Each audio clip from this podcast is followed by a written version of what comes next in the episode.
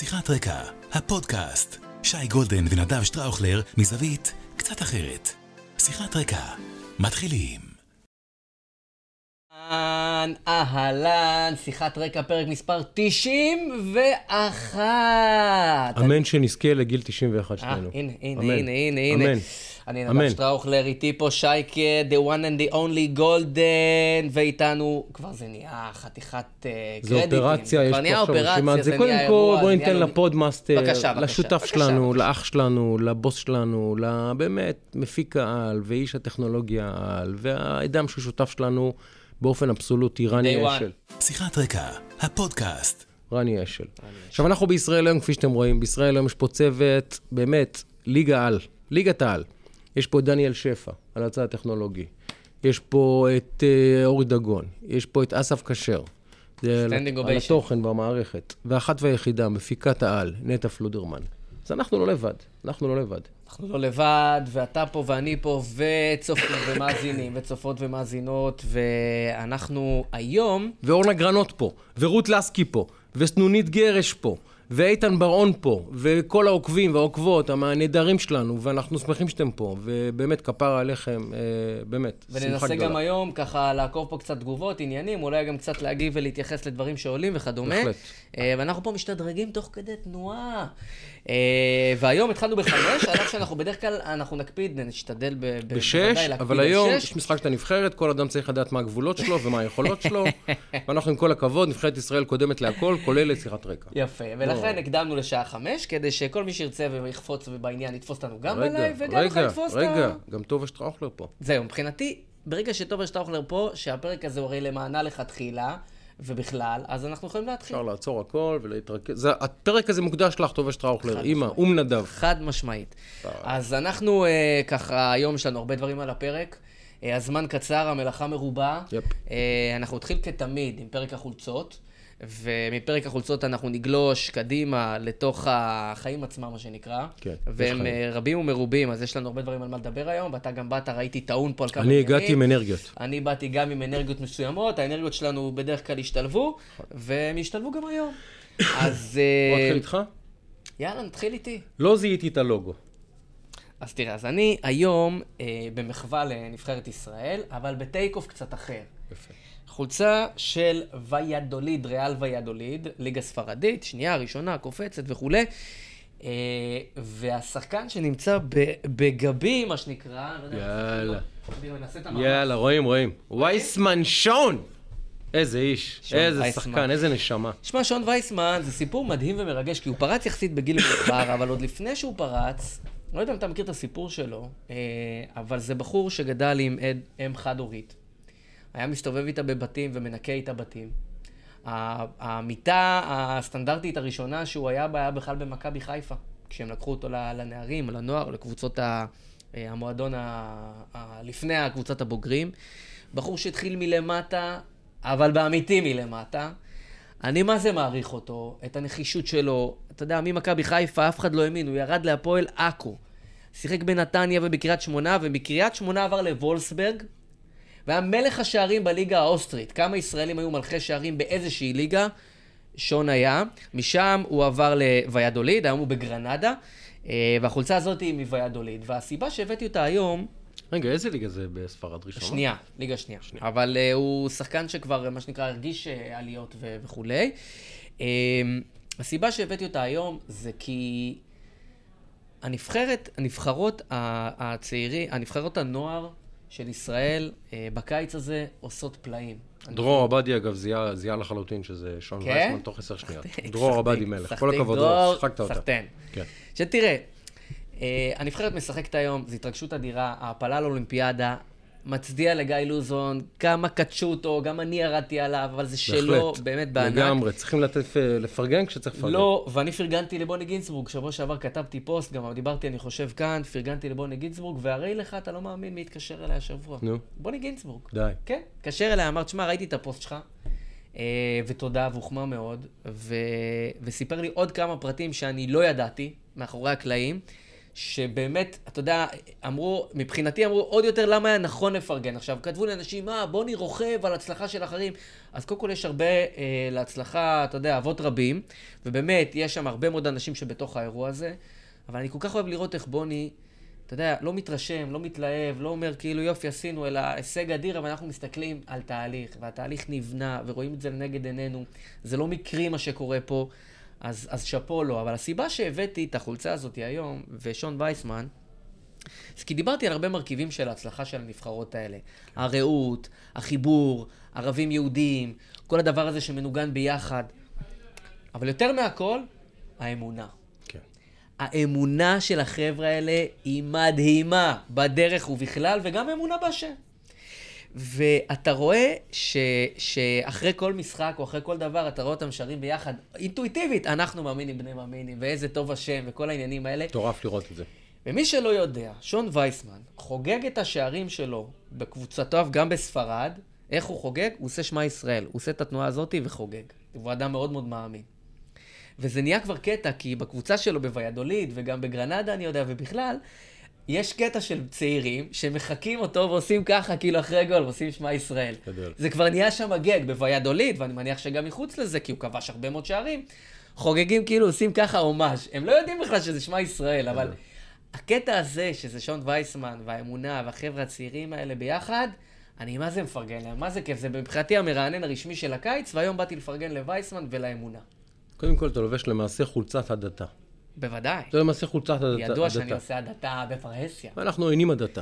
אנחנו רוצים אה, ישראל ללא דת, ללא מסורת, ללא אמונה. די?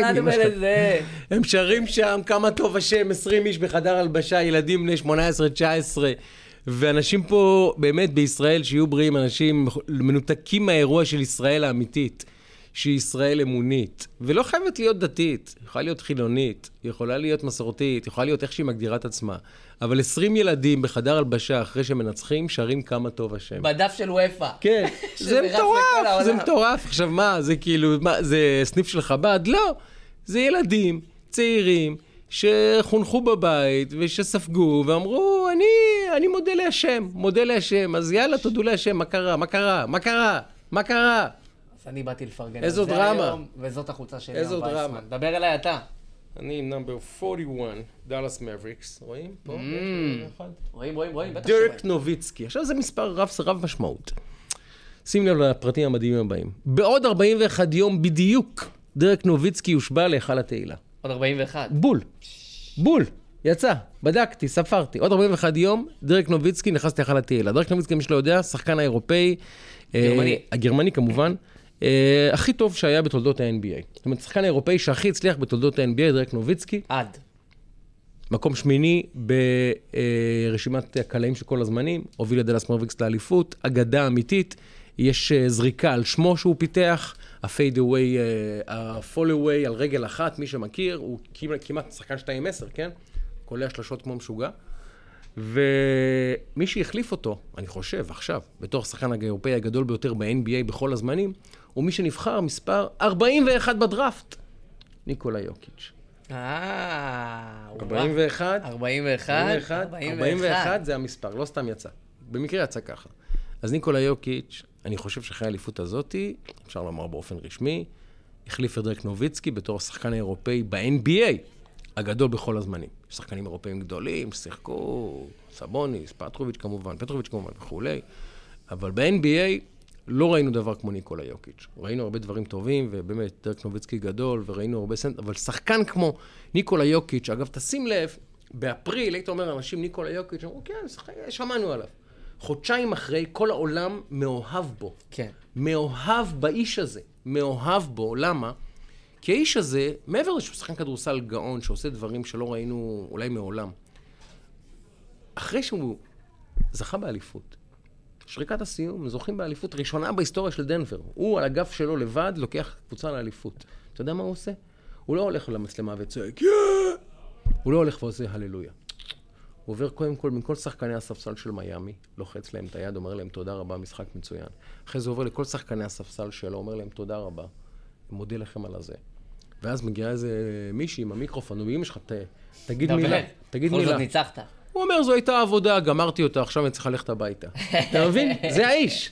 עכשיו, איך אפשר לא לאהוב? איך אפשר לא להתאהב באיש הזה? נדיר. שאין לו מניירות, ואין לו את הפוזות, ואין לו את האני, ואני, ואני, ואני, ובעולם של הכדורסל המקצועני, שכולנו גדלנו על אני, ואני, ואני, ואני מיליונר, ואני זה, לא, לא. הוא בא, יש לי עבודה, הלכתי הביתה, עכשיו אני רוצה לחזור לסריביה, לשחק. ג'וב well done. לעשות זה. פשוט, פשוט, וכל העולם מתאהב בו. במהלך של חודשיים, כל העולם מתאהב בו.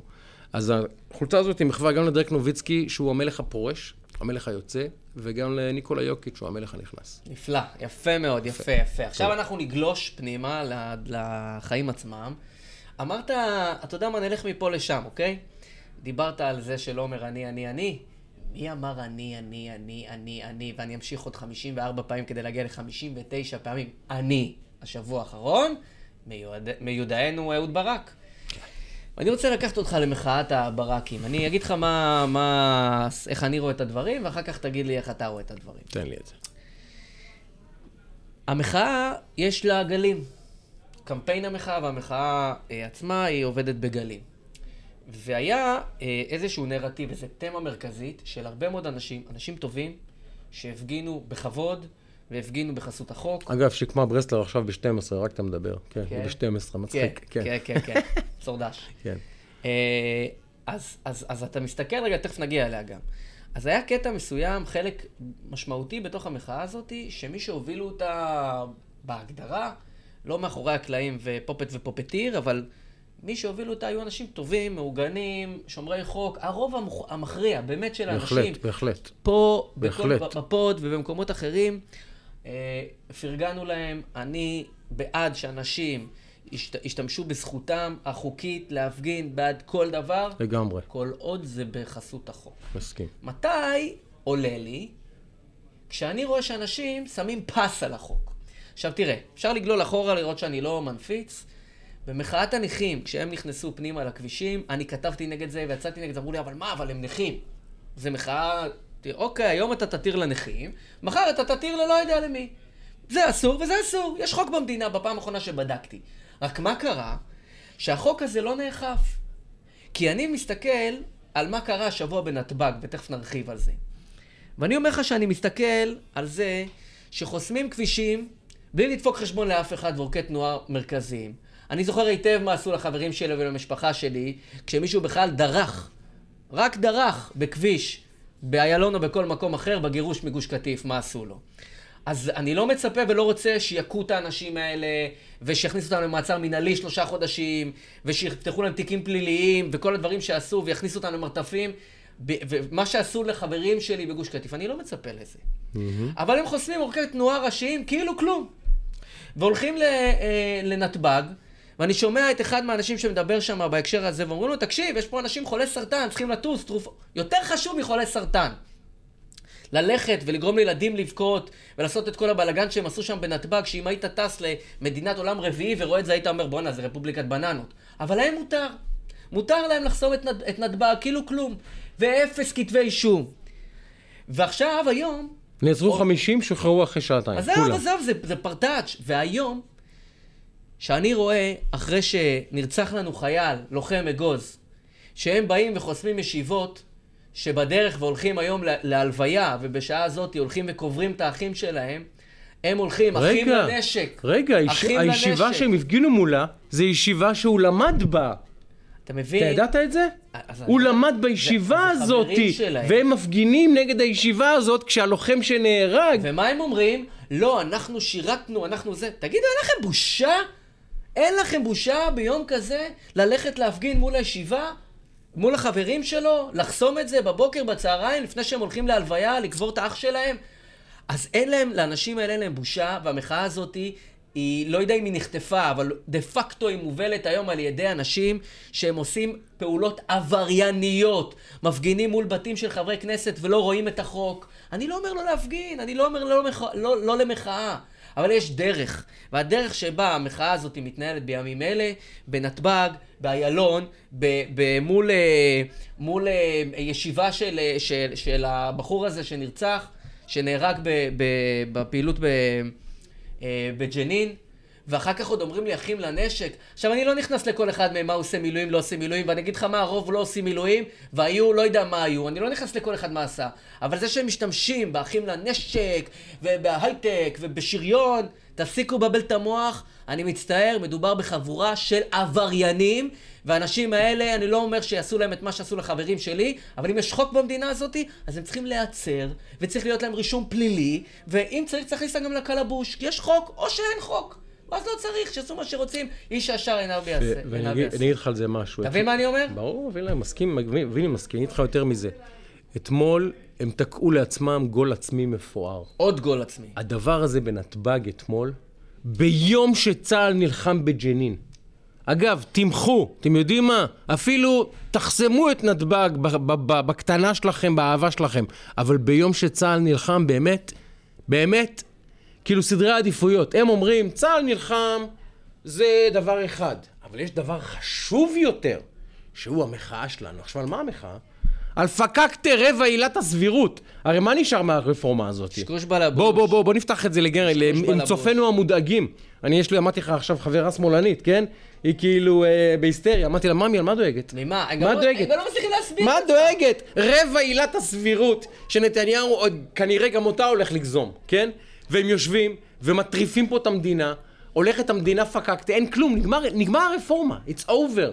הסיפור הזה נגמר, באמת. האוכל הזה נזרק לפח, אין יותר כלום. נשאר רבע עילת הסבירות. אז על זה הם מטריפים את המדינה, משחקים פה את המשחק המשוגע הזה, עם השפיות של כל האומה הזאתי.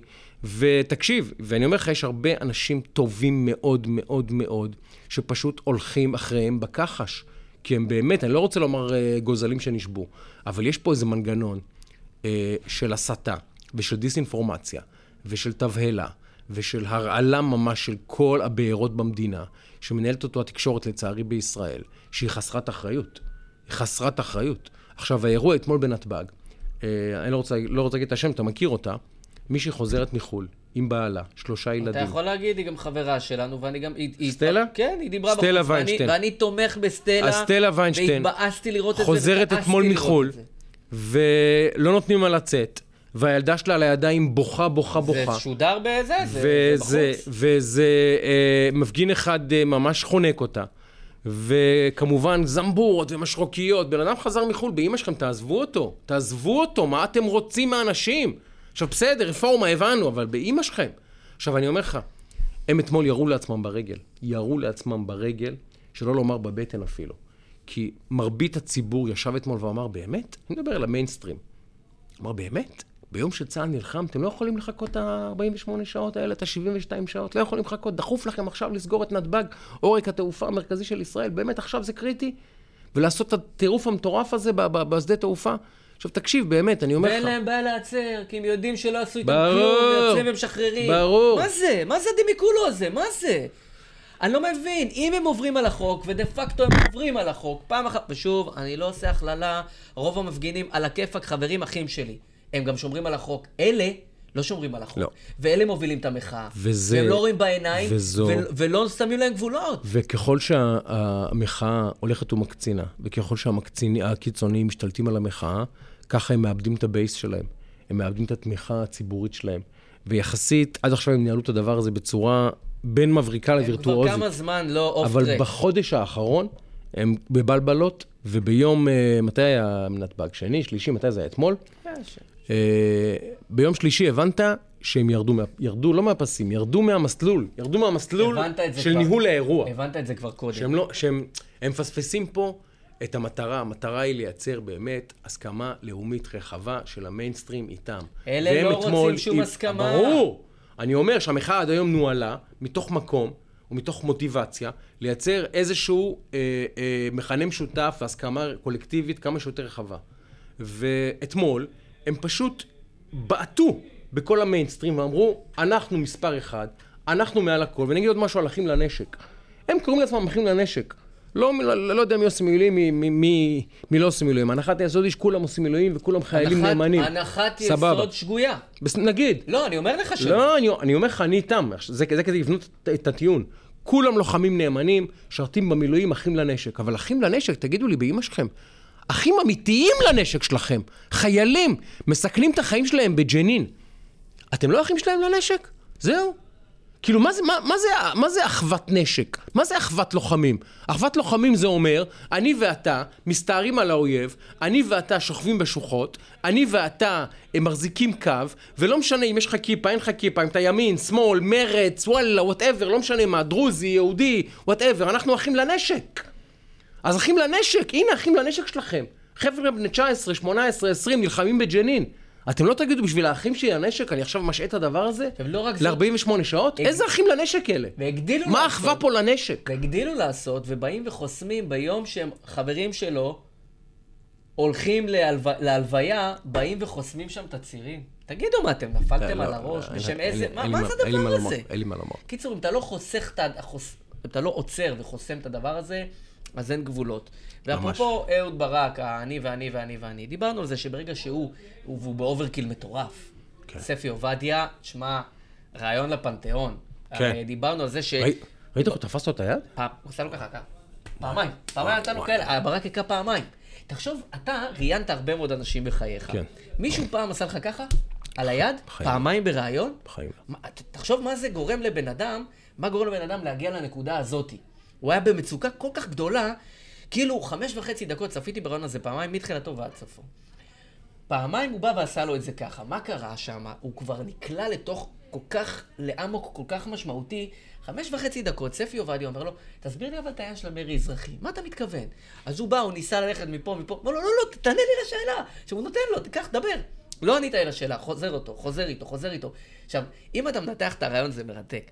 ברעיון קודם שלו, ב-12, עם, אה, עם אה, עמית סגל, וגם ברעיון שלו באוקטובר, דיברנו על זה, 27 פעמים הוא אמר, נתניהו, נתניהו, נתניהו, נתניהו, פה נתניהו, נתניהו, ראשונה נתניהו, נתניהו. משמעותית שהוא אומר נתניהו היא אחרי עשר דקות ועשר שניות, ומה שבא מיד אחרי נתניהו, אתה יודע מה זה? אני. האיש ירד מהפסים. האיש ירד מהפסים. עכשיו, הוא אומר את זה, האיש ירד מהפסים כשזה. אז זה באמת מרתק, כי זה מיקרוקוסמוס, אהוד ברק של, ה, של המחאה בכללותה. ו, ובאמת, זה נראה כמו ירידה מהפסים. רצית לדבר על, אה, אפרופו מפה, אה, דיברנו פה קודם על יריב אופנהיימר. אני חייב להגיד את זה. אני רוצה לקרוא לך... ראיתי שזה הדליק לך את הדלוקים, אני כאילו... אה, תקשיב, אתמול... איפה זה? זה באמת, כי אתה, אתה עכשיו, אני רק עושה רפרנס, אתה מדבר על, ה, על הפיגוע המחריד שהיה אתמול, ולא מדברים על זה כאילו ב, בהקשר הזה, זה? בתל אביב, בצפון תל אביב.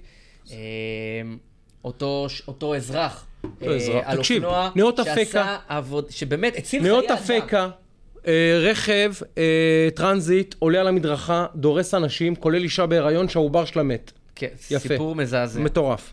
במקביל, אגב, היה שם נס ענק, הוא נקלע, לא יודע אם ראית את הוידאו, הוא, הוא, לא, הוא נכנס והוא בדיוק נתקע בפח, והוא לא הצליח לפתוח את הדלת. אז היה איזה עשר שניות מאוד יקרות של אנשים להתעשת.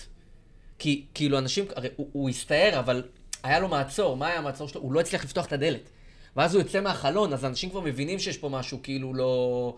זה היה עשר עכשיו, שניות... הוא אה, יוצא עם סכין, מי שראה אותה, היא מצ'טה, היא לא סכין. כן. סכין, משהו מטורף, איזה גודל, משהו מפחיד.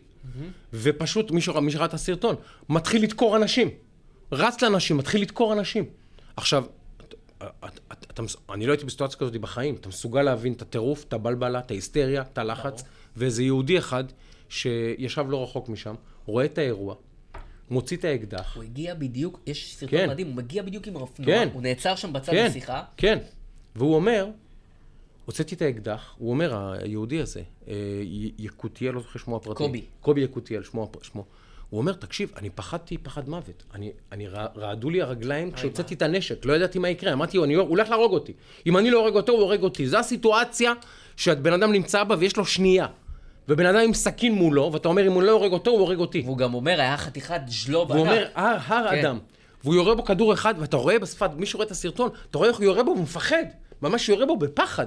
והוא חצי נופל כזה, ואז הוא מתקרב אליו עוד פעם, מנסה להרחיק את הסכין, והוא כזה עושה תנועות, יורה בו עוד פעם. כן. ואז אתה רואה שאנשים באים, והוא בלחץ, הוא בטירוף, הוא לא מבין מה קורה. אה, אותו קובי, הוא לא מבין. והוא יורה בו עוד כדור אחד. לא, הוא רואה- הוא רואה תזוזה. כן. עכשיו, לך תדע מה יש לבן אדם, מטען. והוא רואה בעוד לך- כדור אחד. תדע. והוא פשוט, אתה יודע, והוא הוא באמת גיבור, גיבור, אזרח חד- שהציל חיים של אנשים. הציל חיים של אנשים, נקודה, אה, סימן קריאה. והיום יריב אופנהיימר, הגאון. היה מזכ"ל שלום עכשיו לדעתי פעם, כן? מצטט את הציוץ הבא, אני מהראש מקריא אותו. אה, פיגוע נורא, בלה בלה בלה, כמובן כדי לעשות דיסקלמר כזה, וזה אומר, הירייה הראשונה מוצדקת, השנייה גבולית, השלישית היא כבר פלילית במדינת חוק. זה מה שהוא כותב. השלישית היא כבר פלילית במדינת חוק. זה כותב, זה לא ייאמן. עכשיו נגיד, אלאור עזריה אפשר להגיד, הוא חייל, הוא בסיטואציה, הוא מפקדים, זמן. פקודות, אפשר לדבר על זה. נכון. אבל נגיד. אזרח שנדרש להציל חיים, ובאינסטינקט של שנייה, מול מחבל, שהוא לא יודע מי הוא, ומה הוא, ומה הסיטואציה, ואם יש לו חומר נפץ, ואם הוא יקום להרוג אותו, דמיינו לעצמכם לחצי שנייה את הסיטואציה שאתם נמצאים בה, ואתם האזרח הזה, ואתם האזרח הזה, נסו לדמיין את הסיטואציה. מה, מה הייתם עושים? הייתם מצלצלים לעורך דין? הש... הירייה השלישית היא בסדר? או זה וידוא הריגה? מה לעשות? עכשיו, אני אומר לעצמי, הטהרנות הזאתי, הטהרנות הזאת של כל מיני אנשים בשמאל, זה לא כל השמאל. מרבית השמאל הישראלי הוא ציוני ואוהב ישראל ו- ו-. ואנשים איכותיים וערכיים והכול. אבל כל מיני אופנהיימרים כאלה. פשוט, באמת, אחי, מי הנרצח? מי הנרצח ומי הרוצח? מי הקורבן ומי המקרבן פה? ויריב אופנהיימר הזה ודומיו, יכול להיות שיש עוד 20 כאלה, עופר כסיף, או שיש עוד 200, לא יודע כמה יש. אבל תסלח לי, זה מוריד, מוציא אותי מהכלים. זה מוציא אותי מהכלים, כי אני אומר, יש פה אנשים ששכחו, ששכחו את הסדר הכי בסיסי של החיים פה, של החיים פה. הבן אדם הזה, אם הוא לא היה הורג אותו, אה, קובי יקותיאלי, אנחנו יודעים שהוא היה הורג עוד שלושה ארבעה אנשים. בוודאי. זה העניין. אם הוא לא היה הורג אותו, הערבי הזה, הפלסטיני הזה, המחבל הזה, הרוצח, הכלב הזה, היה מסתובב ורוצח עוד שלושה, ארבעה אנשים. והאיש הזה, בגבורה, פרס, הוא צריך לקבל, פרס מהמדינה. צל"ש, אני מצדיע לו, באמת. האיש הזה עכשיו מקבל מיריב אופנהיימר נזיפה, שזה הוצאה להורג ושזה פלילי. אני אומר, מה עובר פה על אנשים? ותקשיבו, אני אומר לכם, אני הייתי בשמאל הרבה שנים, ואחת הסיבות שהתרחקתי מהשמאל הישראלי, זה בגלל שאנשים כמו יריב אופנהיימר, שאני אומר, תראה, אני ראיתי את עצמי תמיד כשמאל ציוני, אני, אני מפאיניק. אגב, גם היום אני מפאיניק. היום אני מפאיניק, כי, כי ליכוד זה מפאי החדשה, אם תשאל אותי. אני מפאיניק בכלל. אני מאמין בציונות. בארץ ישראל מגיע לעם ישראל, לא גנבנו שום דבר מאף אחד, מגיע לנו לחיות פה. כמו כן, אני מאמין בהשם ובתורת השם, אבל אני חילוני. ואני מאמין שצריכים להגיע לאיזושהי הבנה ואיזשהו הסדר אה, כדי לייצר פה מזרח תיכון סביר לכולם. הייתי מוכן לפשרות. מפאיניק, מפאיניק. ופתאום אתה פוגש את האופנהיימר הזה, ועופר כסיף הזה. וגם אה, לסקי, מה השם הפרטי שלה? גבי לסקי. גבי לסקי האלה. דווקא אני חייב, חייב להגיד לך שאת גבי מאוד מעניין אותי לשמוע. אנחנו, בעזרת השם, אולי, נצליח לשכנע אותה לבוא לפה. לדעתי תבוא. בשמחה. מעניין אותי מאוד לשמוע. ואני אומר באמת, האנשים האלה, תקשיב, אם אתה לא חושב שלישראלי יש זכות להגן על עצמו, ואם אתה לא חושב שמחבל שבא לרצוח אזרחים באופן עיוור בלב שכונה עירונית, בלי שום סיבה להוציא הרצון שלו לרצוח, שגזר דינו אינו מוות אה, מ- מ- מ- מ- מ- מחזקת הגנה עצמית, אז אתה, אני ואתה לא מדברים כבר באותה, לא באותה שפה, אנחנו בכלל בספרות אחרות אנושיות כבר. על מה אתה מדבר, יריב אופנהיימר? על מה אתה מדבר? אתה חושב שהוא כתב את זה מ- מדם ליבו, או, או שהוא כתב את זה אה, מתוך הסתכלות על הקהל יעד הרלוונטי? אני, אני חושב, אתה מבין את השאלה? אני מבין בדיוק מה אתה אומר, ואני חושב שכל החבר'ה האלה שהולכים, הייתה הפגנה בחיפה אגב. זה לא באמת משנה, כן? כך או כך זה בזום. פרגן, פרגן, פרגן.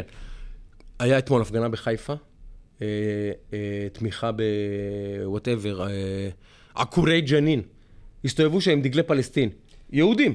הלכת לחיפה? יהודים. אחרי הפיגוע בתל אביב הייתה דגלי פלסטין. יהודים כן? מסתובבים עם דגל האויב. עכשיו אני רוצה רק שוב, מצטער, סליחה אם אני ימני מטורף הפכתי להיות. אגב, תקנו אותי דגל אש"ף. דגל אש"ף, סליחה. אה, שוו בנפשכם שאחרי 9-11 מסתובבים בניו יורק אנשים עם דגל אל-קאעידה ומפגינים. זה, זה המקבילה, על זה אנחנו מדברים. שוו בנפשכם שאחרי שדאעש עורפים ראשים של אזרחים אה, בבריטניה, אה, בבריטניה יהיה הפגנה למען דאעש. מה נראה לכם יקרה בהפגנה הזאת? איך, ת- איך תנהג בהם בריטניה? אני מניח שיעצרו אותם וישחררו אותם אחרי... אחרי עשר דקות. בטח. עכשיו, אנשים פה בשמאל הישראלי, לא כולם, לא כולם, לא כולם, כי תמיד שהשמאל הישראלי חייבים לומר לא כולם. כשמדברים על הימין, כולנו אחד. אנחנו ביביסטים, אנחנו ברבר, כולם.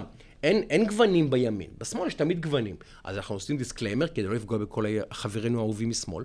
אבל לא כולם, לא כולם, לא כולם. אבל היריב אופנהיימר האלה, אם השמאל הישראלי הוא רוצה יום אחד להקים את עצמו על הרגליים, הוא צריך להקים מתוכו את האופנהיימרים האלה. אבל הוא לא ואת העופר כסיפים הוא האלה. לא עושה צריך. להקיא להקיא אותם מתוכו. הוא לא עושה את זה, ואתה רואה את זה גם במנדטים. אתה רואה את מפלגת העבודה, מפלגה שפעם הייתה המפלגה המשמעותית ביותר במדינת ישראל, הפכה להיות מפלגה משמעותית, אבל לא המשמעותית ביותר, נמחקת. אתה רואה את מרצ, מפלגה של שמאל, ציוני לכאורה, נמחקת. לא עוברת את אחוז החסימה. הציבור אומר להם משהו. אבל הם לא מקשיבים. הציבור אומר אבל להם לא, משהו. אני אומר לך, הם לא מקשיבים. תראה, זה קצת מזכיר לי, אתה יודע, אני תמיד... את ביתר נורדיה. כן. ההתאהבות בנרטיב. כאילו, הלכנו לזה, ועכשיו זה מה שיש. אה, ההתאהבות בנרטיב באה לידי ביטוי בזה שאתה מסתכל גם במחאה, מי עכשיו מנהיגים שם, אהוד אולמרט. אחי, עזוב, עזוב, אני אתחיל. עזוב, אני אתחיל. אתה מדבר. ברשותך, ככה שים לב, שלושת מנהיגי המחאה, אוקיי? שלושה מנהיגי המחאה, לא לפי סדר חשיבות. אה, אה, אהוד אולמרט, עבריין מורשע, אסיר שישב בכלא, מעורב באחת מפרשיות השחיתות החמורות בתולדות המדינה, הולילנד. החמורות בתולדות המדינה, זה נאמבר 1. מסתובב עם דגל ישראל בנתב"ג, אין לך בושה! שניים, אהוד ברק. מתרועע עם פדופיל מהגרועים שראינו, וסרסור קטינות מהגרועים שראינו, מתרועע איתו דרך קבע, ומחביא את, מסתיר את פניו כשהוא עולה לדירת האבהבים של ג'פרי אפשטיין. שניים. שלוש, דן חלוץ, עוד גאון שקורא לסרבנות, שלמי שלא שכח אני אזכיר לו. מכר את תיק המניות שלו שלוש שעות אה, אחרי שהוא שמע שהמלחמה עומדת להיפתח, הציבור לא יודע על זה כלום, והוא נפטר מתיק המניות שלו, ואז יוצא למלחמה. זה האיש. עכשיו, בכל מדינה מתוקנת, דן חלוץ, אם היה, אם היה, זה הדבר הזה פורסם בציבור, שרמטכ"ל מכר את תיק המניות שעה לפני שהצבא יוצא למלחמה, כי הוא יודע שהולכים למלחמה. אחי, נראה לך שהוא היה מסתובב בחברה, בציבור, מדבר בכלל? אני חושב שזה לא נכנס ל-top 5 או top 10 הדברים הגרועים שהוא ואלה שלושה. מנהיגי, אלה שלושה מנהיגי המחאה. עכשיו, הם מדברים איתנו על מוסר? על, על שחיתות? הרי מי יותר מושחת מאולמרט? אולמרט יושב באולפנים ומדבר על שחיתות, ואתה אומר, מה, אתה רציני? זה כמו שלהבדיל, סליחה, סליחה, בני סלע יישב וידבר על חומרת המעשה שהוא אונס. מה, אתה רציני? אחי, אתה האדם הכי מושחת בישראל, מהטופ 10, בסדר? אתה יושב באולפנים ומזמינים אותו. ומדבר איתי על שחיתות. מדבר איתי על שחיתות, זה, זה. זה שירה. זה רמת הטרלול כבר נהייתה פה. אתה מבין? ו- ו- ונותנים לזה את ה... זה כאילו לגיטימי. זה, זה מה שמעצבן. הלגיטימציה לכל הפעולות האלה, ההכשרה של כל הדברים האלה. וזה מאוד מעצבן. זה מאוד מעצבן, ואני אגיד לך מה מעצבן, אני לא בא בטענות אליהם. אתה יודע, זה כמו ששחקן במגרש עושה טעות ועוד טעות ועוד טעות ועוד טעות. אני כבר לא מתעצבן עליו. אני מתעצבן על מי שנותן לו לשחק. על המאמן. אתה רואה את זה עוד הפעם ועוד הפעם, ואני אומר, איפה אנשים שנמצאים בסביבה הזאת, או בסביבה ההיקפית של זה? אנשים שיוצ... שנמצאים בהפגנות, איך הם לא מוחים על הדבר הזה, על האנשים האלה, על כל האחים לנשק האלה, שגם סתמו פיות עכשיו, ש... לא יודע אם ראית, דפקו מכות לחבר'ה שהחזיקו דגלי פלסטין, הם סותמי פיות לכולם, זאת אומרת, לא בדעתך. סותמים. לא, כי התמה של המחאה זו מחאה כלל ישראלית, אה. והפלסטין כאילו מזהם אותה, דגלי אש"ף, כן, כאילו. כן. אבל באימא שלך. אז, אז אתה מבין, אז איך, איך, איך נותנים לגיטימציה לדבר הזה? ובאמת, אותי גם מעצבן מאוד שמאפשרים את זה. ולא כי אני רוצה שיעשו להם, אמרתי את זה, לא כי אני רוצה שיעשו להם את מה שעשו לחברים שלי בגוש קטיף, ואיך התנהלו עליהם שלושה חודשים מעצר מינהלי, קטינים וקטינות, ילדים, שמו בכלא בקלבוש, לא נתנו להם לראות עורכי דין. היועץ, היועץ המשפטי והיועץ המיוחד, אה, תפקידים מיוחדים שנתנו לשי ניצן, וההחמרות שעשו לאנשים האלה, אני לא רוצה שיתעללו באנשים האלה, באמת שלא. אבל אנחנו מדינת חוק. let's act like one, זה מה שאני אומר. ובאמת, אתה רואה את ואגב, ה... זה זולג לצפון, לזה, כשאתה מאפשר את זה, פתחת תיבת פנדורה. אפשרת את זה, אפשרת לכולם, ככה זה. ואני אומר לך. אמרתי את זה על הנכים, ופה זה פי מיליון יותר גרוע. אני, אני, אני אוסיף לך. תאר לך אתמול, אלף ח- בנפשך. שווה בנפשך, 1,500 יוצאי אתיופיה רוצים למחות על הרג אה, אה, אה, אה, אחד מאחיהם על ידי שוטר, היו חוסמים את נתב"ג. איך לדעתך היה מסתיים האירוע הזה? אין לי ספק. איך אתם, צופים ומאזינים ומאזינות וצופות יקרות, הייתם אה, משווים בנפשכם תמונה שבה 1,500 יוצאי אתיופיה היו סוגרים את נתב"ג. אני אזכיר לכם, למקרה ששכחתם, שהם חסמו פעם את אה, דרך קפלן ליד עזריאלי. את איילון. את איילון. ירדו לאיילון. אתם זוכרים מה קרה? אתם רוצים תמונות? תגגלו. מחאת אתיופים, תגגלו תמונות בשביל הצחוקים. וחרדים? בשביל הצחוקים, תגגלו תמונות, תגיד, תראו איך נהגו בהם. זוכר שפעם היו משתמשים בבואשים ובכל הזרנוקים האלה? זוכר אה. פעם? פעם, ב- בתקופה של ההפגנות. עכשיו שלא תהיינה אי הבנות. אני לא רוצה שמשטרה תיתן מכות לאף אחד. לאף אחד. אני נגד אלימות משטרתית במגרשי כדורגל, נגד אלימות משטרתית נגד מפגינים, חרדים, לא- אתיופים, ברור. ערבים, נכים, שמאלנים, שכולם יפגינו. אבל אי אפשר שיהיה פה קבוצות בישראל שיקראו להם את הצורה במכות כשהם מפגינים, וקבוצה אחרת שאומרים לא, לא, לא, לא, לא.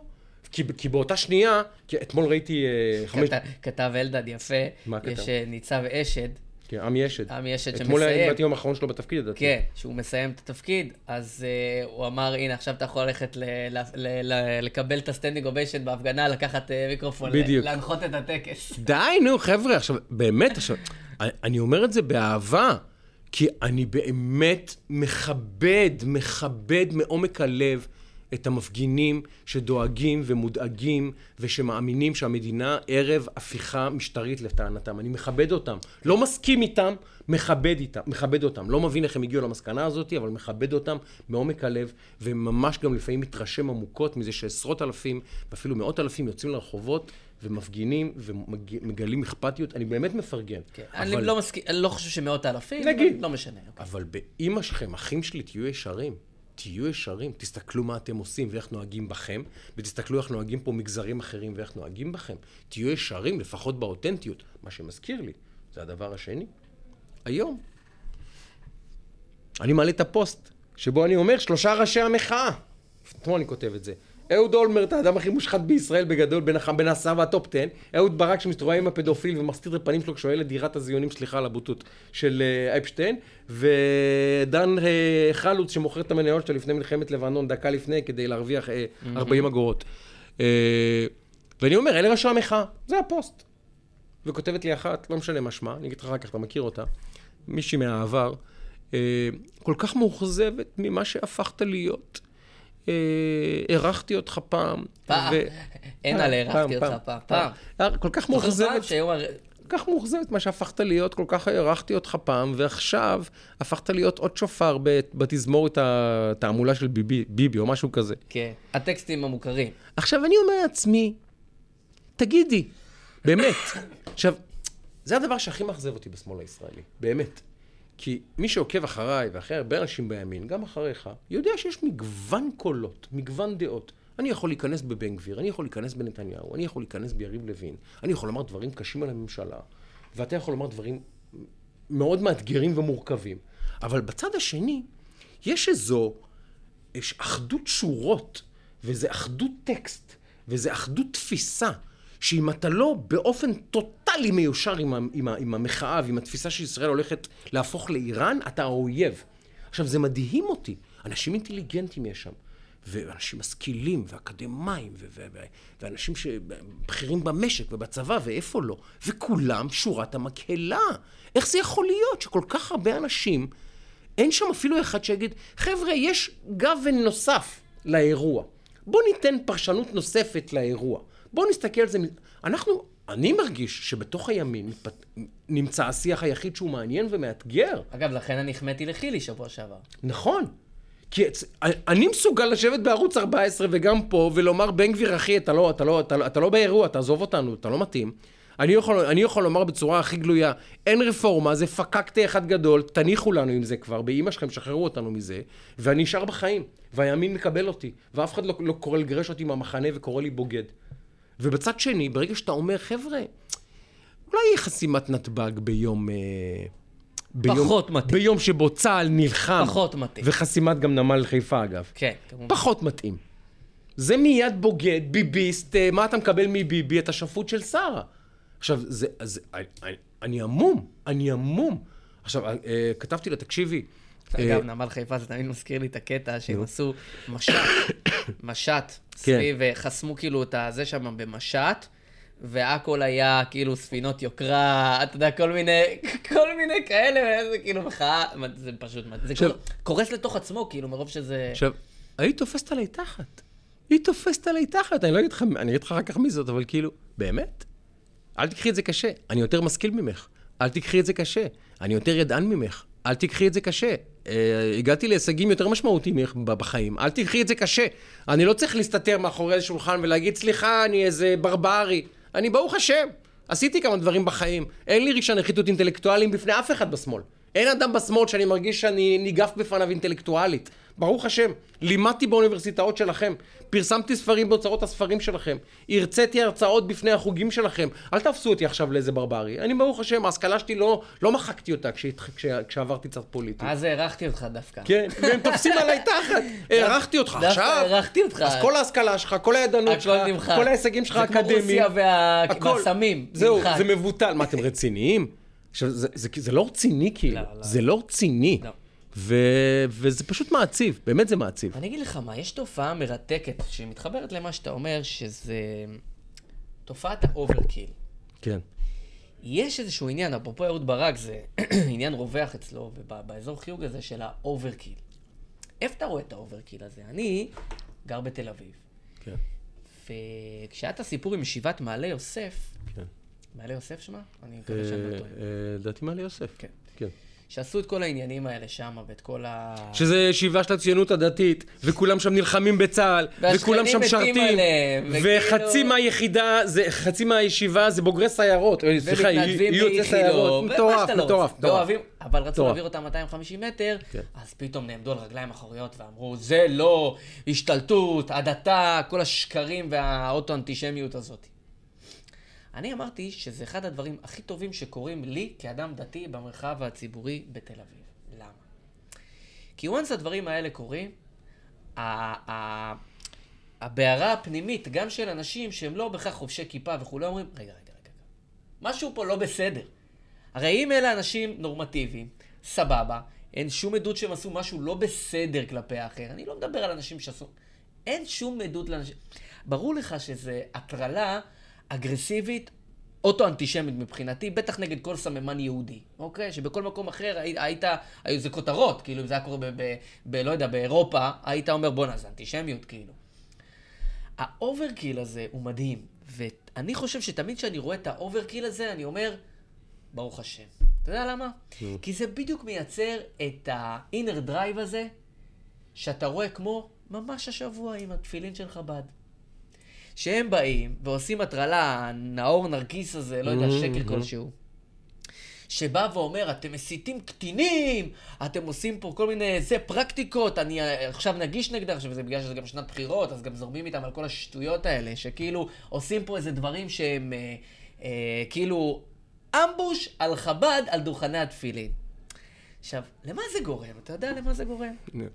זה גורם לזה שאני ראיתי כבר כל כך הרבה אנשים אומרים, שנים לא הנחתי תפילין, בפרהסיה אני, אני אניח תפילין. דווקא אני מניח תפילין. כאילו, לא מהמקום של אני עושה לאחיס, אלא מהמקום שכאילו, זה, זה ה overkilling הזה, במחאה, בתפילין, בישיבה בתל אביב, היום בהעברת צמיגים ו- ו- וחסימה של אנשים כדי להגיע ל... ב- ביום ש- שחבר שלהם אה, נהרג בפעילות ביטחונית. כל הדברים האלה, ה overkill, המפואר שהם עושים, גורם בדיוק לאימפקט ההפוך שאליו הם כיוונו לכתחילה. ממש כך. הם, זה, אתה יודע, אנחנו פרשת אה, בלק עכשיו, אני בדיוק מספר לעברי על בלעם וכולי. זה קלאסי של באים לקלל ויוצאים מברכים. וזה כאילו חזק מהם. זה כאילו חזק מהם, הדבר הזה. עכשיו תקשיב, ראית את השלט הזה שהיה בכפר סבא לפני אה, שבוע? אה, איזה... זה... אז למי שפספס מדהים, אותו, למי מדהים. שפספס אותו, היינו באמת, תמונה, אה. פוסטר ב... אה, פוסטר חוצות של מרץ לקראת המוניציפלי. אני רק אגיד שעכשיו שעברנו לישראל היום, אז, אז דניאל והחבר'ה פה אומרים, תגידו פחות או יותר מה אתם הולכים לדבר. אבל אנחנו... לא, לא, לפעמים- אנחנו פשוט לא יודעים, זה, זה יש כמו- זה פשוט, זה כמו, זה לא כמו מה. ג'ם סשן כזה, אתה עולה, מאלתר, ופתאום דברים קורים. בדיוק, בדיוק, ג'ם סשן זה הדבר, קיצר, לפני שבוע, מי שפספס, אתם חייבים לראות את זה. כן, כן, זה- מה שנקרא גוגלית, ממש. אה, תמונה, מרץ קמפיין לקראת המוניציפלי בכפר סבא. לדעתי, מתי המוניציפלי? נובמבר? מתי זה קורה? כן, נובמבר. סוף, נו- נדמה לי שלוש- 30, אבל סוף נובמבר. מודעה ככה, דרעי, גולדקנופ, מי השלישי? אה, דרעי, אה, גולדקנופ. מגפני, מי זה היה שם? יכול להיות. יש. לי את זה איפשהו, כן. שלושה פרצופים חרדים. כן, כן. כן? כן. והיה כתוב ככה, אין כניסה לכפר סבא. מה? אין כניסה לכפר סבא. אין כניסה לכפר כן, סבא. אני חייב למצוא. שלושה חרדים, פוסטר, בשלט חוצות, באוטובוס, בתחנות אוטובוס, אין כניסה לכפר הנה. סבא. שומרים על כפר סבא נקייה. אה, והנה, איך? שומרים. על כפר סבא נקייה? אין? כניסה לכפר סבא? מרץ. תשמור על כפר סבא חופשית. מי זה היה? גולדקנופ, דרעי ו... סליחה, אבי מעוז. ואבי מעוז. ואבי מעוז. כן. שלושה גם פרצופים, פרצופים כאלה. שלושה פרצופים, כיפות, יהודים, זקנים, אה, חרדים. ברור לך מה. עכשיו, זה שווה בנפשך שני דברים. סליחה על השווה בנפשך, חוזר על עצמו. אחד, בכל מדינה על כדור הארץ יש שלט עם שלושה פרצופים של יהודים ואומרים נשמור על ברלין, על מינכן, על בריסל, על אנטוורפן, על ניו יורק, על whatever, נקייה. מה היה קורה? מה היינו עושים? שזה מתכתב עם הקמפיין של מרץ בבחירות, שלא עברו את אחוז חסימה. אתה זוכר את הקמפיין של מרץ? ששמו ברור. את, אה, שמו פרצוף של חרדי, וכאילו בירוק. עכשיו, ו... במקביל, שווה בנפשך, שבאותה תחנת אוטובוס בכפר סבא, אה, היינו אה, אה, רואים שם תמונה של אה, מנסור עבאס, של, אה, לא יודע, תן לי עוד שני חברי כנסת כן, ערבים, ווליד טאהא ועוד כן, מישהו, כן. ואומרים, נשמור על כפר סבא נקייה. מה היה קורה במדינה הזאתי? הרי מהדורות חדשות היו נפתחות בזה. חד- היו אה, כל ארגון... אנשים היו כבר בחקירה. משטרתית. רק היו תמונה של שלושה אה, חברי כנסת ערבים. והיו גם מחרימים את הטלפונים שלהם. נשמור על כפר סבא נקייה. אגב, טלפונים, אחד הסיפורים הגדולים. זה הצביעות המטורפת הזאתי של ההסתה המטורפת נגד חרדים.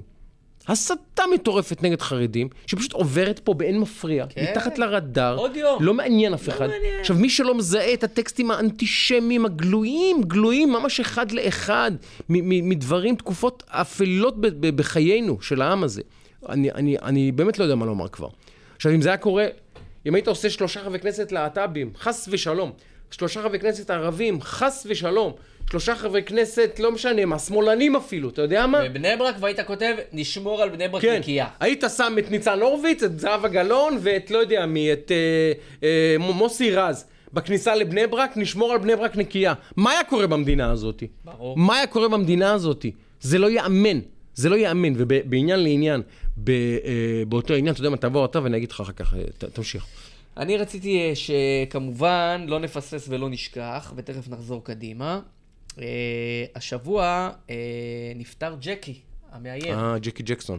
ג'קי ג'קסון המאייר, שאני מאוד מאוד אהבתי את האיורים שלו עוד בתור אה, ילד, בתור נער וכולי. אה, ואני לא יודע אם ידעת, אבל ג'קי עשה ב-2000, אני לא רוצה לטעות, 18 או 19, הוא עשה ציור מיוחד, אה, ש... שהוא גם, זה פורסם וכולי, של איפה אברה. שזה היה מאוד יפה, והוא העניק את זה גם למשפחה, ועשו איזשהו דיון בכנסת, והוא, והוא הביא את הציור והראה את זה, ו... וזה היה מאוד מאוד יפה. וראיתי שגם המשפחה הודתה לו היום, היום או אתמול. אה, ואתה יודע, זה באמת, יש אנשים שכן רואים את הפרטים, אפרופו הפרטים הקטנים, שהוא תמיד מחביא בפרטים הקטנים, אז גם להזכיר אותו, ובוודאי להזכיר את אה, אברה. תקשיב, זה הציור ישבו לילד כשאני הייתי ילד. זה... כן. כמה הוא הריץ את זה? 60 עשרות שנה? משהו מטורף, שנים, 50 כן, שנה, מה כן, זה? כן. מטורף. אה, ואנחנו היום אה, סופרים כבכל פרק אה, את הימים לאברה מנגיסטו שנמצא בשבי החמאס, אה, ואנחנו רואים 3,223 לילות וימים שאברה מנגיסטו נמצא אה, בשבי החמאס. והסיפור הזה גם של אה, ג'קי והציור שהוא עשה לאברה, וזה נמצא ברשתות, זה מאוד מאוד אה, יפה ומרגש. אז אה, אנחנו לא שוכחים לספור את הימים. רציתי גם שעוד נספיק ככה, לפני שאנחנו זה, אם אתה רוצה קצת להסתכל גם על שאלות או תובנות או דברים שעולים פה, תכף אולי יקפוץ לך ואתה יכול גם כן להרים פה, כי אנחנו מזמינים תמיד אני לשאול, רוצה, להגיב וכו'. אני רוצה את הפרשנות שלך. הוצאנו קיטור, עכשיו פרשנות. לא, מה זה הוצאנו קיטור? אנחנו משתפים. משתפים, משתפים, חולקים, חולקים עם עם אמרנו ישראל. ג'ם סשן, אז זה ג'ם. מג'מג'מים. תסביר לי את האירוע אה, הפנים-ליכודי.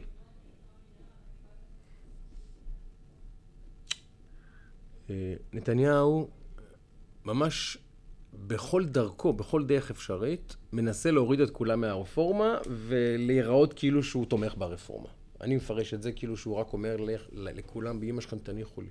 מצד שני הוא מחויב לבייס, ואם הוא לא ייתן לבייס אפילו חצי סרדין, הבייס לא יסלח לו.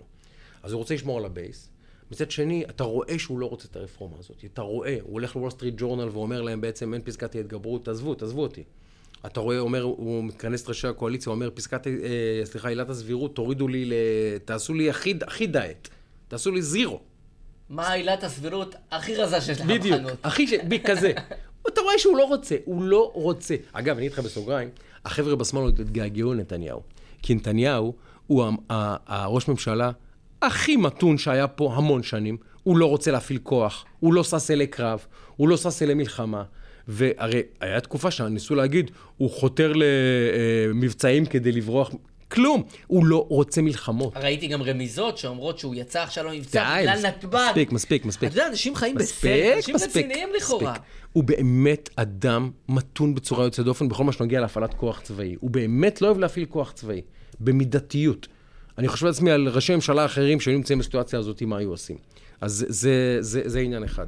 עכשיו, הוא מצד אחד לדעתי לא רוצה את הרפורמה, הוא מצד האירוע הזה. הוא רוצה שזה יעבור מעליו, יש לו אתגרים לאומיים, יש לו מורשת לנהל, הוא ויתר על הרפורמה כמורשת, הוא רוצה עכשיו מורשת לאומית רחבה. הווה אומר להוריד את איראן מהפרק מסדר היום, אולי גם לייצר הסכמים גיאופוליטיים אסטרטגיים עם מדינות מתונות אה, במזרח התיכון, לייצר גם אה, המשך הצמיחה של ישראל כמעצמה טכנולוגית ומעצמה כלכלית וכולי. עזבו אותו מרפורמה עכשיו. מצד שני, יושבת לו טלי גוטליב. עושה לו אינתיפאדה. יושב לו דודי אמסלם, עושה לו אינתיפאדה. יושב לו ביטן, עושה לו אינתיפאדה. יושב לו דיין דנון, עושה לו אינתיפאדה. יותר מדי אינתיפאדות יש שם. ואני שואל את עצמי, האם אנחנו נמצאים בתקופה שבה בעצם מעמדו של נתניהו בתוך הליכוד, אתה יודע, זה כמו שהם מריחים את הדם, כרישים מריחים את הדם, יכול להיות שכל הדני אה, אה, דנונים וטלי גוטליבים ודוד ביטן מריחים את הדם, מריחים חולשה. כי אני אומר לך, אני מאוד אוהב את טלי גוטליב. אני חושב שהיא, אה, יש לי כמובן הרבה השגות על דברים שהיא אומרת ועושה, אבל היא משב רוח מרענן בשיח הישראלי, וכמובן, אני לא מסכים עם 70% מהדברים שהיא אומרת, אבל אני מאוד מכבד את העובדה שהיא אומרת אותם. שהיא יוצאת למיקרופון, והיא לא בולשיט, והיא האישה היחידה שאתה מראיין אותה, אני ראיינתי אותה הרבה פעמים, אתה מראיין אותה ואתה יודע שתקבל תשובה לשאלה. Mm-hmm. אתה תקבל תשובה לשאלה. מצד שני, אחי, טלי גוטליב עושה לך אינתיפאדה? אתה נתניהו. מה קורה שם? תסביר לי מה קורה בתוך הליכוד. קודם כל, אצל יאיר לפיד זה לא היה קורה, עיין ערך עדי קול. כן. חברת הכנסת שערערה לרגע אחד איזשהו סעיף מסוים באיזשהו משהו שולי. או עופר שלח. ונזרקים אה, אל היאור השליחו, מה כן. שנקרא פוליטי בטח. אני לא הייתי מתרשם יתר על המידה ממה שקורה on the surface בהיבט הזה, מעל לפני השטח. ההצבעה היחידה שנתניהו קיבל בה איזשהו אה, בלוק הייתה הצבעה חשאית, ואנחנו יודעים שזה אירוע חריג מאוד. תראה, נת... זה לא שנתניהו לא רוצה רפורמה. זה לא העניין הזה. אני חושב שהעניין הוא אחר. נתניהו, ויש לי הרבה מאוד שעות נתניהו, גם אין פרסן וגם בכלל. נתניהו זה לא שהוא לא רוצה את הרפורמה, זה עניין של מה האלטרנטיבות. וכשהוא בא אה, לייצר את הריבונות, את מה שקראו הסיפוח והריבונות ביהודה ושומרון, משהו שהוא האמין בו, ראה בזה מורשת, משהו שהוא יכול לקחת, מה שנקרא, לילדים ולנכדים ולנינים. והיו חגיגות בשומרון באותו, באותה יממה, הוא וטראמפ על השטיח. האדום, מכריזים ריבונות. הוא זנח את זה, כי היו את הסכמי אברהם. וזה היה או ריבונות מצומצמת, רק על בקעת הירדן, כי היו שם כל מיני עניינים, ג'רד קושנר, ולא ניכנס עכשיו לכל הפרטים, אבל היה או ריבונות מינוס מינוס, בנקודה מסוימת שהגיעו ל money time, או ללכת ולחתוך, אגב, בניגוד, נגד הבייס באותו הזמן, וללכת להסכמי אברהם. הוא הלך להסכמי אברהם. אחרי שהייתה הכרזה, ו... ו... ו... הרפורמה היא אירוע שהוא לא הוביל אותו בגלל, אה, אנחנו שוכחים, אבל בגלל ה... הקונסטלציה המשפטית שהוא היה בה, ובגלל הבעיות שהיו לו מבחינה אל מול היועצת המשפטית. ממש היא טרפדה אותו, אה, סינדלה אותו, סליחה. זאת אומרת כן. שהוא לא הוביל את האירוע, ואז הוא נקלע לסיטואציה. והוא בתוך סיטואציה יודע להתנהל בדרך כלל. ופה יש לו באמת שורה של מוקשים פוליטיים שנמצאים מסביבו. אני לא מתרשם יתר על המידה מטלי גוטליב ומה שאתה קראת אינתיפאדות. בסופו של דבר, נתניהו מנהיג את האירוע הזה, מתפקדי הליכוד בפרט, והליכודניקים בכלל, לא מעריכים backstabbing אה, בתוך המפלגה. מי שיעשה את זה, הוא... יהיה לו נזק פוליטי משמעותי מאוד, כמו שמי שילך להפלת הממשלה בכל אחת מהמפלגות האלה, יבצע genocide פוליטי לעצמו וחרקירי מפואר. כי לצאת החוצה מתוך, ה, אה, מתוך העניין הזה של, ה, של הקואליציה הנוכחית, כל אחת מהמפלגות תקבל שחיקה של בין 30 ל-80 אחוז. ולכן בסופו של דבר, מה שנקרא בריאל פוליטיק, גם הליכודניקים, גם שאר הסיעות, אבל גם הליכודניקים וגם חברי הכנסת בליכוד מבינים ויודעים היטב ללכת נגד נתניהו, זה, אה, אתה הופך לפרסונה נון גרטה באותה נקודה. ולכן אני לא מתרשם יתר על המידה מהרעשים וכולי, ומהנזקים שהם מתקיימים. הבעיה המרכזית, ודיברתי על זה לא אחת, בהיבט, בהיבט של התנהלות וניהול הקואליציה הזאת, שהיא לא מנוהלת באמת. Mm-hmm. זה הרבה מאוד דקלרציה, רעשים ודיבורים, ומעט מאוד אופרציה, מעשים ופעולות. ואיפה אתה רואה את זה? בצלאל סמוטריץ' לא אחת מבצע. Mm-hmm. עכשיו, אני לא יודע אם הוא מבצע טוב או לא טוב, אני mm-hmm. לא יודע לשפוט את, את המהלכים של האוצר, mm-hmm. אבל הוא מבצע. עכשיו אפשר לצעוק עד מחר, הוא מבצע בשטח. ויכול להיות שזה מהלכים הרסניים למדינת ישראל, ויכול להיות שזה הדברים הכי טובים שאי פעם קרו במדינה, אני לא יודע לשפוט. אבל הוא מבצע דה פקטו. זוכר שהיה את הקטע עם כל הארנונה של הערים, וכל הבלאגן? קרן הארנונה, כן. מה קרה? מה זה? קרה, הוא ביצע. אתה זוכר שאנשים יצאו להפגנות על זה? יפה, הוא ביצע בשבת שלום. פה, מה אתה רואה? כל הזמן דקלרציה, מעט מאוד אופרציה, וזה מה שקורה. האיום כלפי נתניהו, אני לא מתרשם ממנו. לא רואה פוטש מחר בבוקר שהופכים לו את זה על הראש, מי שיעשה את זה... לא, אבל תקשיב, אני... ברור אני, שזה מפריע לו, אני, אני, אבל היו לו רעשים יותר גדולים. אני אומר ככה, אני מאמין שאנחנו קרובים מאי פעם לתום עידן נתניהו. מאי פעם. אבל, אבל זה, זה, הסבירות, יש כל מיני סבירויות וסיבות שזה יקרה. הסבירות שזה יקרה מתוך הליכוד, בעיניי סבירות יחסית נמוכה. אני מסכים. אני, הערכה שלי מבוססת רק על הערכה שלי, לא על שום מידע, לא על שום מקור, כלום. היא שלבחירות הבאות, מתי שהן לא תתרחשנה, אם זה עוד שנה, אם זה עוד שלוש, נתניהו כבר לא יתמודד. זו הערכה שלי. אגב, זו הערכה סבירה זו מאוד. זו הערכה שלי. הערכה סבירה מאוד. אבל כשאתה מסתכל רגע מה קורה בתוך הליכוד, אני לא מתרשם מהרעשים. ואני חושב שטלי גוטליב, וגם אני יש לי הערכה על דברים מסוימים, וגם אני מעריך שאנשים אומרים את מה שהם חושבים, באמת מעריך את זה. חושב שעשתה נזקים גדולים. ככה אני חושב. אני מסכים. אגב, לא יודע אם ראית, אתמול היה רעיון שלה אצל רביב דרוקר. כן, ראיתי חלק. אתה ראית מה, מה הוא אמר לה ממש בתחילת הרעיון? שמה? היא הראתה לי, אתה אומר לה בוקר טוב, היא אוטוסטרדה אה, אה, ארבע דקות לפני שאתה, לפני שאתה שואל שאלה. היא גם יצאה עליו 300 כן. קמ"ש, אישית. הוא, אבל הוא אמר לה אחרי דקה, טלי, לא לקחת את הכדורים, משהו כזה, כן. עכשיו, אה, מר דרוקר, זו חברת כנסת. כאילו, בסדר, אנחנו ב... אגב, נניח שהיא כן לוקחת כדורים. זה... אז מה אז? הוא אומר לה בטלוויזיה, לא לקחת ריטלין? אתה רציני? אתה מדבר ככה לחבר כנסת, אתה מדבר ככה, עזוב אישה, אז כאילו, מה, מה עובר על אנשים פה? וכאילו, ואני לא מדבר אחרי שיושבים באולפן רזי ברקאי וכל החבורה ומדברים על למה העלית אותה, אסור לתת אנשים כאלה פתחון פה, היא לא זה, היא לא... עכשיו, זו חברת כנסת בישראל. עכשיו, אתה, אתה, הוא יושב שם כל הרעיון ומגחך, ומגחיך אותה, ומגלגלג, ושפת גוף מזעזעת, באמת מזעזעת. אבל כשהוא אומר לה, לא לקחת ריטלין היום, טלי? אמרתי, אני אגיד לך איפה... מר דרוקר, הקו נחצה. כן. הקו נחצה. בין uh, uh, ביקורת עיתונאית לעוקצנות עיתונאית, לעמדה עיתונאית, בסדר, לבין, uh, תסלח לי, uh, לא, זה, זה הקו שנחצה. אתה לא אומר לחברת כנסת, לא לקחת ריטלין היום. ותשים לב את הדינמיקה הרפיטטיבית הזאת, שהיא בעצם באה להגחיך ולהשתיק. Mm-hmm. אנחנו, אני חושב, וגם פה בפודקאסט, וגם בכל אולפן שאני יושב, לתת את הכבוד המינימלי לאדם שאני לא מסכים עם עמדתו בכלל, mm-hmm. ואני בכלל ישבתי באולפן, ואתה יודע את זה, mm-hmm. אולפנים עם mm-hmm. כל הקשת, כל mm-hmm. הדברים שהם מחוץ לסקאלה של הקשת. Mm-hmm. אני מעולם לא חשבתי ללגלג בבן אדם, אני יכול לתקוף טיעון, אני משתדל להיות מנומק, אני, אפשר לעשות פינג פונג, אפשר, אתה יודע, אפשר להתעמת אפילו אה, אה, מקצועית, אידיאולוגית, אה, רעיונית. אבל תופעת ההשתקה, שזה מתחיל באחים לנשק, לא מתחיל, אבל עובר באחים לנשק, עובר בצמתים, עובר בנתב"ג, עובר באולפנים האלה.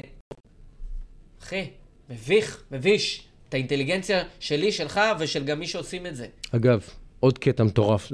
זו תקופה שהיא, אה, אתה יודע, אני... לא להשתקה, לא להשתיק. אני אה, התחלתי לכתוב דוקטורט על אה, פוסט-מודרניזם, אה, בספרות, בספרות העולמית וישראלית, אבל אני קראתי הרבה טקסטים על פוסט-מודרניזם. אנחנו נמצאים באירוע פוסט-מודרניסטי על ספידים. כן. האירוע שנקרא ישראל 2023 הוא אירוע פוסט-מודרניסטי על ספידים ממש. הנה, אירוע, הנה דוגמה לאירוע פוסט-מודרניסטי. אתמול הפרקליטות מחליטה להגיש כתב אישום נגד אוריך, עופר גולן ומי? וסרוליק, איינהורן, יועציו של ראש ממשלה, בגין הטרדה של שלמה פילבר. כן. אממה. אחד התיקים שמטריפים את דעתי יותר מכל דבר. אממה. זה פוסט-מודרניזם, זה, פוסט זה הגדרה של פוסט-מודרניזם. זה, אגב, זה רק, זה פלח אחד של האירוע הזה. אומר שלמה פילבר למשטרה, לא, לא הגיש תלונה מהמשטרה. הוא לא היה בבית. לא הגיש תלונה מהמשטרה. לא הרגשתי, לא הוטרדתי. שימו לב לסיפור, זה סיפור מטורף אם פספסתם אותו. אה, הם עמדו מתחת לבית שלו עם מגפון וצעקו משהו. לא, הם לא עמדו לא מתחת עמדו? לבית. לא עמדו? אז ספר אתה. של... קודם כל בקמפיין, עכשיו לא, אני לא בא להצדיק, בסדר? בוא זה. זה. בקמפיין קורים מלא דברים. עושים הרבה דברים. לפעמים גם עושים שטויות. זה היה בתקופת בלפור, נכון? נדמה לי. כן. בתקופת בלפור, הפגנות בלפור. זה רכב שבכלל לא היו שם. רכב שאמר לו, מומו אמר, כאילו, כאילו הטרידו את העד, בסדר? כן. לכאורה הטרידו את העד. כן. שלא היה בביתו, הם לא היו שם, הם כאילו שלחו את הניידת או whatever שצעקה ברמקול למשך שלוש דקות, ש... ו... ואמרה, מומו, מה שילמו לך? מומו, מה אמרו לך? עכשיו, אני לא אומר שזה מעשה שאני מוחא עליו כפיים, אבל בין זה לבין מה ש...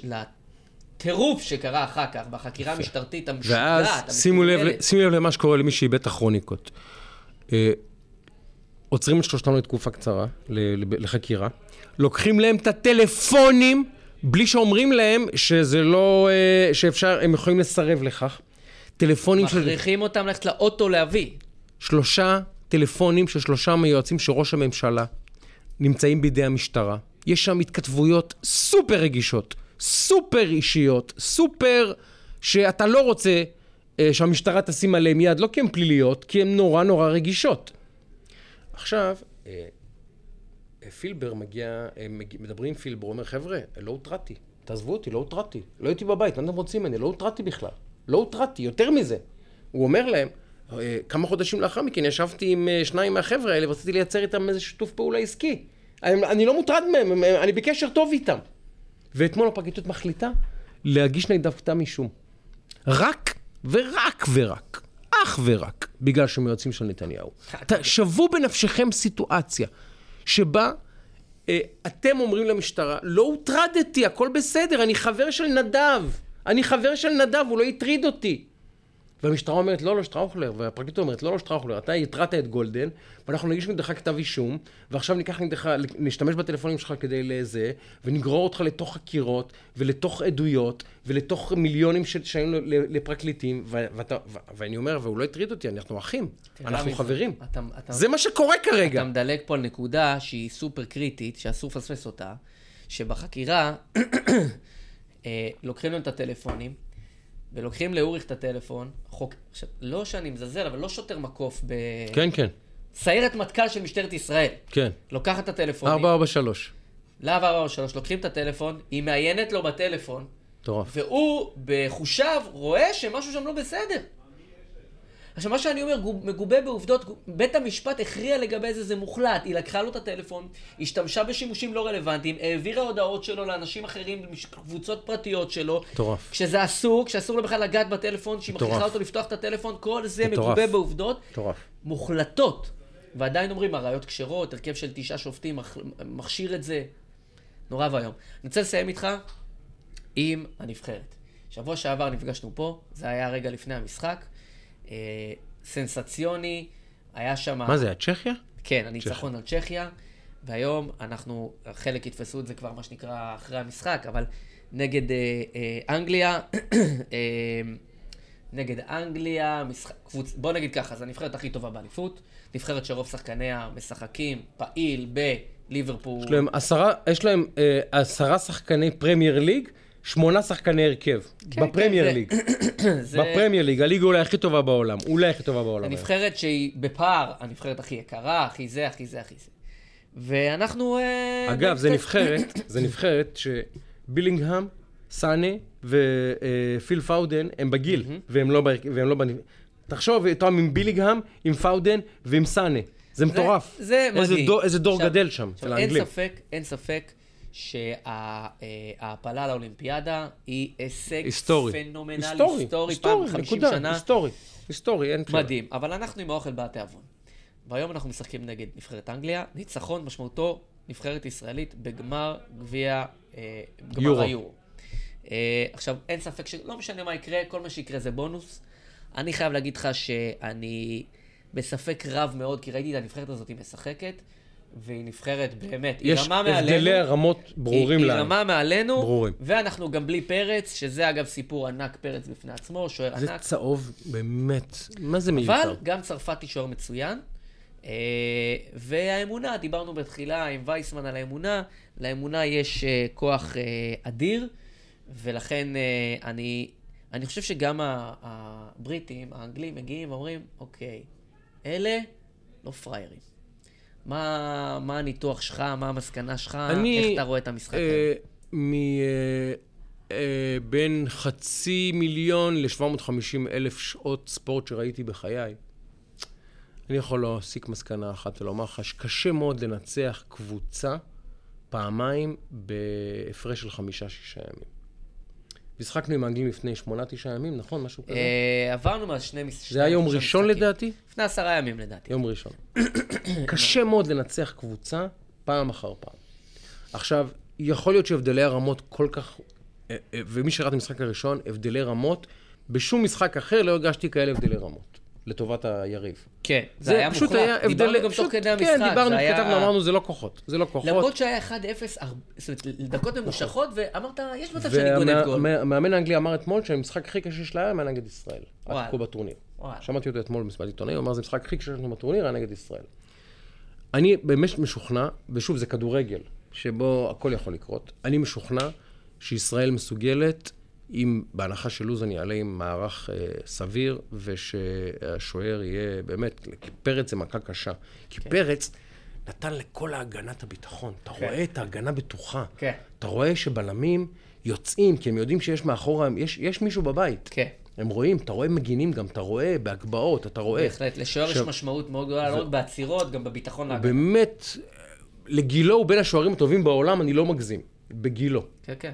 ואז אני חושב שזו מכה מאוד קשה, פרץ, ועם זאת אני עדיין סבור שמכיוון שזה כדורגל, ומכיוון שקשה לנצח קבוצה אה, בהפרש כזה זמן, בהפרש כזה קצר של זמן, אה, פעם אחר פעם, אני מריח פה תיקו, 0-0, 1-1, ופנדלים, ובפנדלים, כמה טוב השם, כמה טוב השם, כמה טוב, כהכל. פנדלים, השם יחליט. יפה. אני מאמין שהולכים לפנדלים ולכמה טוב השם, והשם יחליט. אם השם מחליט, אגב, שאנחנו מפסידים בפנדלים, זה בסדר גמור, מכבד את זה באהבה, הכל בסדר, מותר להפסיד. יפה. הגענו כבר לזה, ותקשיב, הדור הזה, האוסקר גלוכים, וליאל עבדה, ומנור סלומון, ודור תורג'מן, ו... תראה את מנור, אתה זוכר מה אמרתי לך על מנור? תקשיב, אני חושב, ברור? לזכותך, לזכותך נאמר, היית הראשון לזהות, ועכשיו את טוטנאם לדעתי. זה מה שאמרתי, נכון? שזה המסלול. לזכותך נאמר. מי שילך אה, כמה עשרות אני- פרקים אחורה, מי שעוקב אחרי הפודקאסט שלנו יודע שנדב, כשמנור עוד היה אה, ב...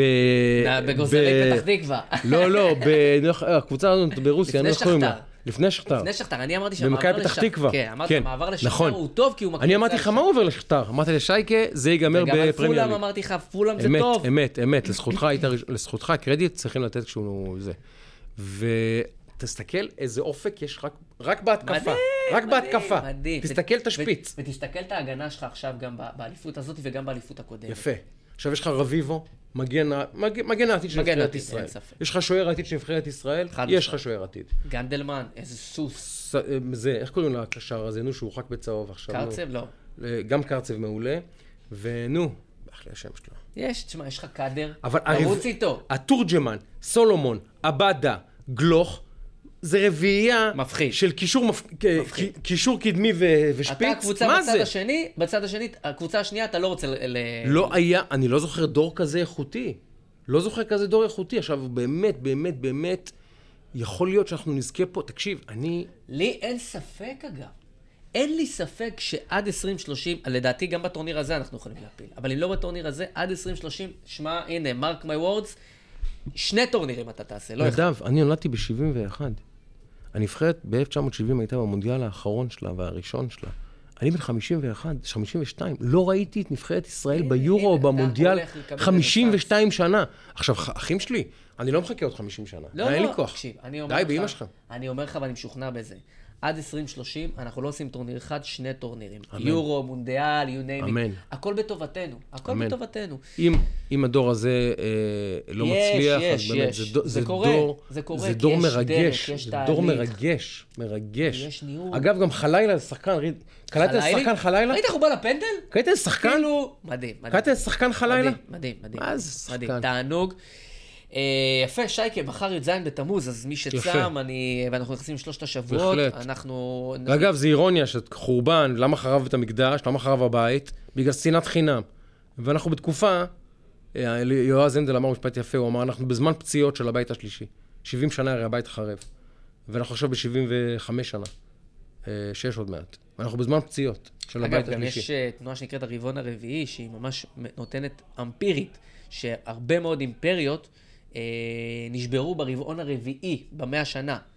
אה, אז uh, צריכים לשמור על המקום הזה, בהחלט. אבל מדינת ישראל, ודי מלחמות היהודים. מספיק, מי שלא רואה כמה אויבים יש לנו מסביב, שיתעורר על עצמו. שיתעורר, לא חסר, ברוך השם. והיום אנחנו נקווה שנוכל לעמוד לנו גם מול האויב הבריטי. אנחנו מפרגנים לבריטים, אבל בגלל המנדט, הגיע הזמן... לסגור את אה, המעגל. לסגור איזה סיפורון כזה, עיגולון קטן איתם. כן. לסגור איזה מעגל קטן כן. לא, לא נגדם, פשוט בשבילנו. לא, מפרגנים לבריטים שיהיו בריאים. יפה. שייקה, אנחנו כונסים את פרק מספר 91. אני מחכה 92 בגלל החולצה שיש לי. אל תדאג. אני מה זה, אני חם עליה. בעזרת השם בשבוע הבא. אגב, דני לנגר אמר לי, דני מיהו לנגר אמר לי, למה לא הבאת את דניס רודמן? אה, בוא'נה, לא ענינו על אף שאלה, לא ענינו זה, הוא מלא עניינים, פה, שם, זה, אנחנו... אה, תגובתי, אנחנו נעשה את זה בשבוע הבא בשבוע כנראה. הבא אני כן, נביא לפטופ אבל אנחנו נעשה את זה, יהיה פה, מבטיחים. נביא לפטופ, נעשה דברים. שבוע הבא, יש גם עוד כל מיני תוכניות בהמשך, כמו שאתם רואים, אנחנו משתדלים להשתדרג ולהפתיע. אה, אז אנחנו כונסים את פרק מספר 91. את פרק 100 אנחנו לא שוכחים, כי יהיה אירוע, אבל יש לנו אירוע, יהיה זמן? הבטחנו ונקיים, נעשה את זה uh, in front of a live studio audience, whatever, איך שאומרים לזה. יהיה, יהיה גם יהיה. אה, נגיד לכם ככה, א', שתפו, שתפו, תפיצו את הבשורה. אם אתם אה, אה, מרגישים שמה ששמעתם פה הוא תוכן שהוא א', ראוי, וב', אה, משקף את מה שאתם מרגישים, חושבים, מאמינים בו, שתפו, שעוד אנשים ייחשפו אליו. ב', אנחנו אה, בגוגל פודקאסט, אפל, בספוטיפיי, אפל פודקאסט, ספוטיפיי, סאונד קלאוד, פייסבוק. Podbean, פייסבוק כמובן, ביוטיוב של יוטיוב. נדב, ביוטיוב שלי, סליחה, בפייסבוק של נדב, בפייסבוק שלי. שיחת רקע. שיחת רקע. ב- בישראל היום, בכל הפלטפורמות האפשריות. כולל אינסטגרם שאתה לא נמצא בו. נכון. אה, אז בכל מקום אנחנו, ועכשיו אפילו, הנה, החבר'ה פה בסושיאל חותכים קטעים לטיק טוק. יפה. בקיצור, אנחנו משתדרגים, ברוך השם. אז נגיד תודה לדניאל שפע, ולנטע פלודרמן, ולאורי דגון, ולאסף כשר, ואתה תיתן למאסטר את הקרדיט רני אשל האחד והיחיד, לא. שתמיד מסביבנו פה, גם. שהוא לא פה פיזית, הוא פה רוחני. number 1. number 1, תאמינו לי. כמובן, כמובן. אז אנחנו חותמים את שיחת רקע, פרק מספר 91, זה הפרק השני אה, תקשיב. איזה קטע. אה, תן לי את זה. זה קטע. נו, נו, תן לי. אני הולך ברחוב מול קניון רמת אביב, נו. ופתאום תבין, איזה... הם מבקשים שנכתוב נושאים. אין, אנחנו לא, זה לא, הכל פה אינטואיטיבי, זה בעיה. לא, איזה מישהי על טוסטוס, עם אה, קסדה, צופרת לי. אני לא מזהה. היא אומרת לי, זה אני גלית הופמן. אה, גדול. מה העניינים, מה העניינים, מה העניינים? חיים שלנו. גלית זה אשתו של רני, כפרה עליה. אישה, זהב, מלמיליאן. מלמיליאן. ענק, ענק, ענק. מדהים. ענק, יפה מאוד. זה ככה חותמים את ככה חותמים את הפרק. יפה מאוד. אז אה, תודה רבה לכן ולכם, לכל אחת ואחד, וכמו ששייקי אומר, שתפו כמה שיותר. באמת הפוד' הולך ומתרחב, והנה אנחנו כאן בישראל היום, uh, גדלים ומתעצמים. אז uh, אמרת כבר תודה לכל ההפקה, אז תודה רבה לכולם. Uh, ואנחנו נהיה פה בעזרת השם גם בשבוע הבא. אמן, מי אמן. שצם מחר צום קל ומועיל, ומי שתופס את זה בסוף שבוע, אז uh, אני משוכנע שהדברים עוד uh, רלוונטיים מתמיד. שבוע בשש בערב, חמש זה בגלל המשחק, כי נכון. רצינו להתחשב בכם וגם בעצמנו, אז שבוע בשש בערב בעזרת יום השם. רביעי בשש, קבענו, שבוע הבא וגם שבוע אחרי, ובעוד שלושה שבועות לדעתי זה יוצא בערב תשעה באב, אז בטח אנחנו כבר נעדכן, אבל יש עוד זמן. שנייה, ממש לסיום, עוד שנייה של הדתה. כמה טוב השם, כמה טוב השם, הדתה לתוך הפנים, קבלו אותה. ובהצלחה לנבחרת. תודה, קדימה. ויאללה בית"ר. יאללה בית"ר. תודה רבה לכן ולכם. אנחנו שיחת רקע פרק מספר 91. כזה. סלמת.